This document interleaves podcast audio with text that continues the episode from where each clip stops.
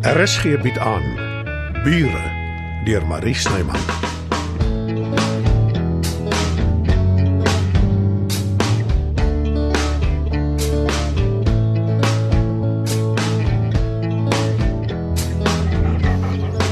Ai, Bixie. Hou op trek aan jou leiband. Jy gee jouself nog verwrig. Hi daar. Nou, toe nou. Hallo Marleen. Hallo Buxie. Lyk my hou van jou. Ek hou van hom ook. Hallo. Alhoewel dit deesdae nie juis 'n kompliment is nie. Hy trends agter enigiemand aan. Ag. Ekskuus. Ek het nie bedoel jy maak nie saak nie. Ek is op pad na die kantoor toe daar bo op die hoek. Wat maak jy in die straat? Dis tog lekkerder in die park. Ek het eers daar geloop, maar toe's daar 'n ongure karakter wat 'n praatjie met my probeer aanknoop. Ek is vinnig daar weg. Ja, wie jy, ek het nogal nou die dag gedink dis dalk nie 'n goeie idee dat jy so alleen in die park stap nie. Ek het daarom vir Bixie by my. En ek het daar 'n peperspuit by my. Wat se kantoor is dit? Stadsbeplanner, bouplanne, klagtes, al sulke goed. Ek dink nou net daaraan hulle laat seker nie honde toe nie. Ek kan saam stap en buite by hom wag. Ag, dankie, dis gaaf van jou. Enige iets om uit die huis te kom. So erg.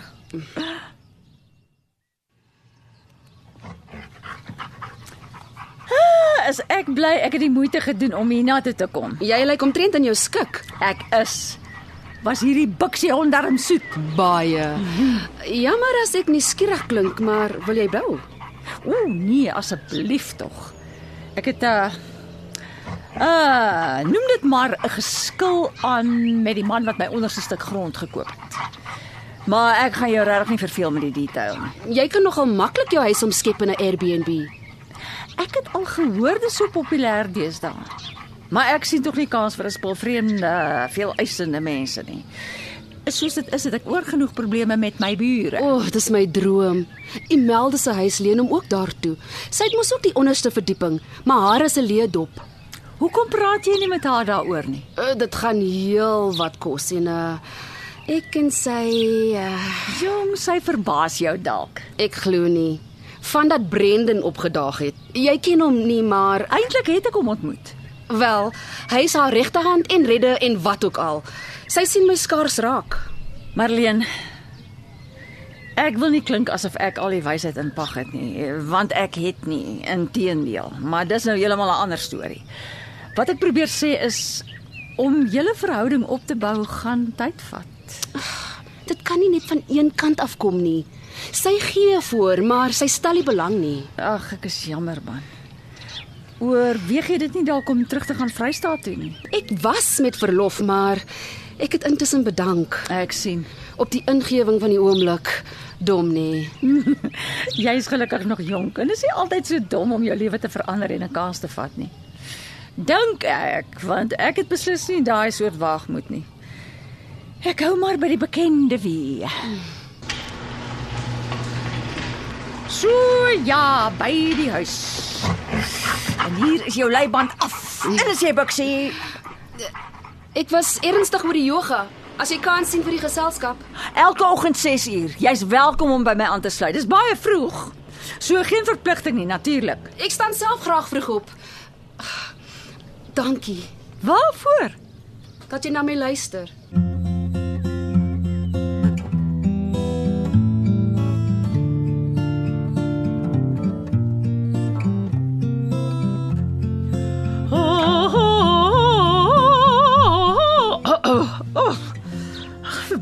My of is my stem krakerig? Nee, daar's niks verkeerd nie. Jy moenie spooke opjag nie.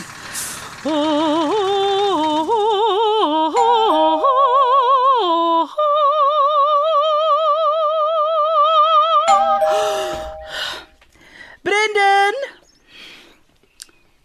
Waar is hy tog? Brendan! Ek dink nie hy's hier nie. Sal ek oopmaak? Asseblief, en wie dit ook al is, behanteer dit. Ag nee. Ag, dis die TV mense, dis hulle. Ag tog. Dit het by my kop uitgevlieg. Marleen, wees asseblief 'n engel en en hou hulle besig. Ek moet gou-gou regmaak. Ek maak so. Werner. Wat maak jy hier? 'n Program oor Imelda. Sy het gesê die TV-mense uh Jy bedoel, Net so. Jy maak TV-programme en jy sê my nou eers. Ons het nie daarbey uitgekom nie. Verander dit hoe jy oor my voel. Uh, wees versigtig wanneer jy die toerusting in die musiekkamer sit, asseblief. Hoe meen jy hoe ek oor jou voel? Hou jy nou nog meer van my? Jy is onmoontlik. Ek gaan kry vir Imelda. Uh, dis nie nodig nie. Sy is hier in haar volle glorie. Dis nie eufemisme nie. Jy lyk ongelooflik. Dis definitief anders as jou gewone voorkoms. En dit werk. Ek dink toe net. Cabaret, Liza Minnelli. Jy ken seker die bekende lied. What good is sitting alone in your room? Come hear the music play. Life is a cabaret, old chum. Come to the cabaret. En hier daag ek jy sing eintlik opera. Ek sing als wat mooi is, Marlene. Als waarvan ek hou. Ah, Wat het van jou regterhand geword? Ek wens ek het geweet. Ek neem aan julle praat van Brendan. Wel, ons het hom nie nodig nie. Geniet julle sessie. Marleen, wag. Uh, wat is dit Werner? Ek wil jou deel van die program maak. Imelda, sê is jou dogter. Is jy bereid dat ons dit bekend maak? Nee. Wat van jou Imelda? Wat sê jy?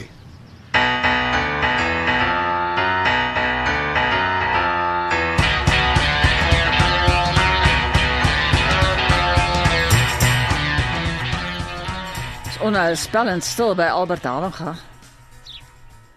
Nee, Havenga? Is jy daar? Nee, Havenga? Ek kan nog steeds nie glo hy het my lieflike stuk grond gevat nie. Matilda.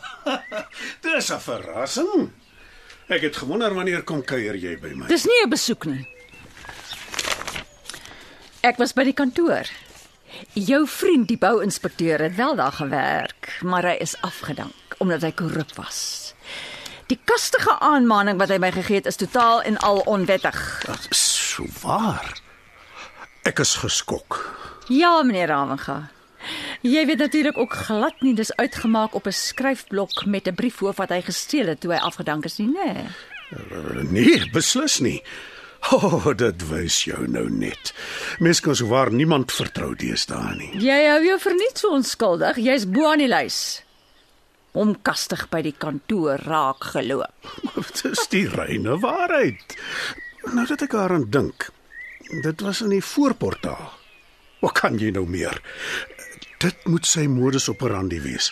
Keer onskuldige mense voor en verkoop allerlei nonsens aan hulle. Maar hoe anders? Ek het so eerlike gesig mense sien my kom. Hou jy nooit op nie. Oh, ek neem aan dis 'n retoriese vraag Matilda want ek wil glo jy het my darm al so 'n bietjie leer ken en jy weet die antwoord is 'n voldonge nee. Alles is vir jou een groot grap, né? Nee. Glad nie. Ek ek sien jy's kwaad oor uh, oor hy. uh, Jan van Heerden. Jy het beweer dis sy naam. Ag, vergewe my. Ek was nog altyd sleg met name. Jy sleg met die waarheid. Dis 'n vals naam. Ewenwel, uh, ek kom agter jy is ontstel oor die Jan van Heerden of wie dan ook al is jou en my vir die gek gehou het. Asseblief. Die gesprek raak nou net te absurd selfs vir jou. Wel, om te vergoed vir jou ongerief. Wat van 'n drankie in my woonwa. Dis nou wel nie jou pragtige huis met die mooi uitsig nie, maar dit is nogals luks vir 'n tydelike toeste. Eintlik moet ek jou bewonder. Jo, ek hou van die wending wat die gesprek nou neem. Jy is inderdaad die knaandste mens wat ek nog ooit teëgekom het. En dis 'n goeie kwaliteit. Deursettingsvermoë. Ek praat van jou irritasiewaarde. Geen wonder jy was al hoeveel keer getroud nie. Ek, ek kan nie onthou dat ek die inligting met jou gedeel het nie. Haai Matilda, jy jy praat oor my met ander. Jy gee tog om al ontken jy dit so heftig. Moenie jouself vlei nie. As ek toevallig oor jou gepraat het, was dit net om my misnoë te kenne te gee. Jou mond sê een ding, maar jou hart praat 'n ander storie. O ja, dit is seker te laat om dit terug te trek. Meneer Ravenga, ek berou nog steeds die oomblik toe jy hier opgedaag het. En ek erken jy het my onkant gevang, maar ek is nie iemand wat gaan lê nie. Ek kan enige terugslag hanteer. Jy sal my nie onderkry nie. Jy en jou sogenaamde bouinspekteur se dreigement is nie die papier werd waarop dit geskryf is nie. Dreineringsprobleme nogal. Jy en jou ewe skelm vriend kon nie eers aan 'n behoorlike verskoning dink nie. Matilda, ek vra onvoorwaardelik om verskoning. Dink jy ons kan vergeet daarvan? Oorbegin. Ek gaan 'n muur bou. 'n Hoë een. En ek gaan vergeet van jou bestaan. Soos ek jou van tevore gesê het, ek is bereid om die helfte te betaal. Dis nou te sê as ek insaai het in die Ek wil niks van jou hê nie. Ek betaal self daarvoor. Dis hoekom ek Jurg se kar verkoop. Vir die muur, wat dit ook al kos. Noem jou prys en ek gee jou die kontant. En betaal nog steeds die helfte van die muur. Oor my dooie liggaam. Uh, Terloops, waar is die MG? Ek sien die garage is leeg. Wat? Maar dit kan nie wees nie.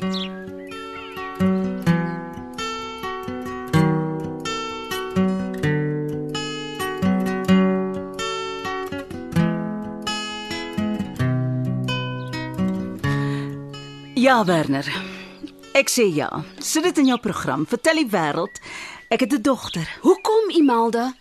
Hoekom wil jy hê almal moet weet? Nou skielik, nadat jy my al die jare weggesteek het. Hoekom wil jy nie hê almal moet weet nie? Ek bedoel, jy het dit oral loop uitplaker.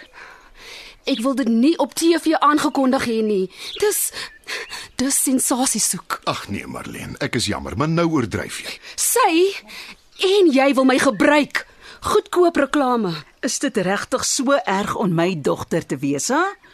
Want as dit is, wat maak jy hier? Hoekom het jy hiernatoe gekom? Vra dit. Geniet julle opname. Ek wil geen deel hê daaraan nie. Marlene, wag!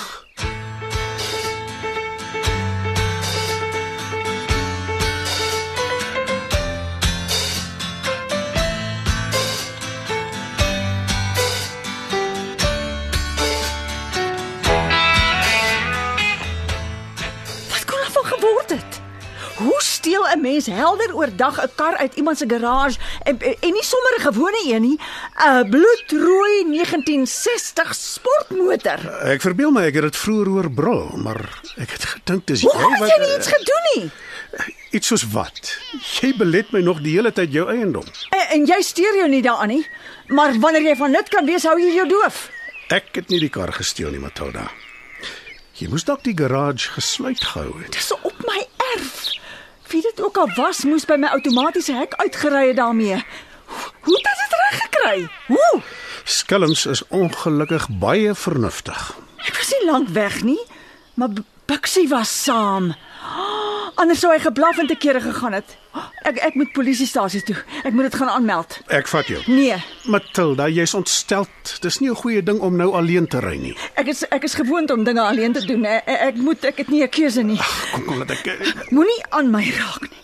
Los my uit. Dis alles jou skuld. Jy het my hele lewe kom weer mekaar krap.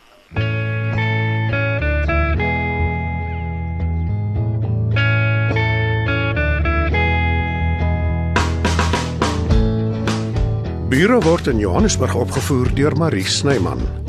Die tegniese versorging word behartig deur Bongie Thomas. Evert Snyman is verantwoordelik vir die musiek en byklanke. Bure is geskryf deur Marie Snyman.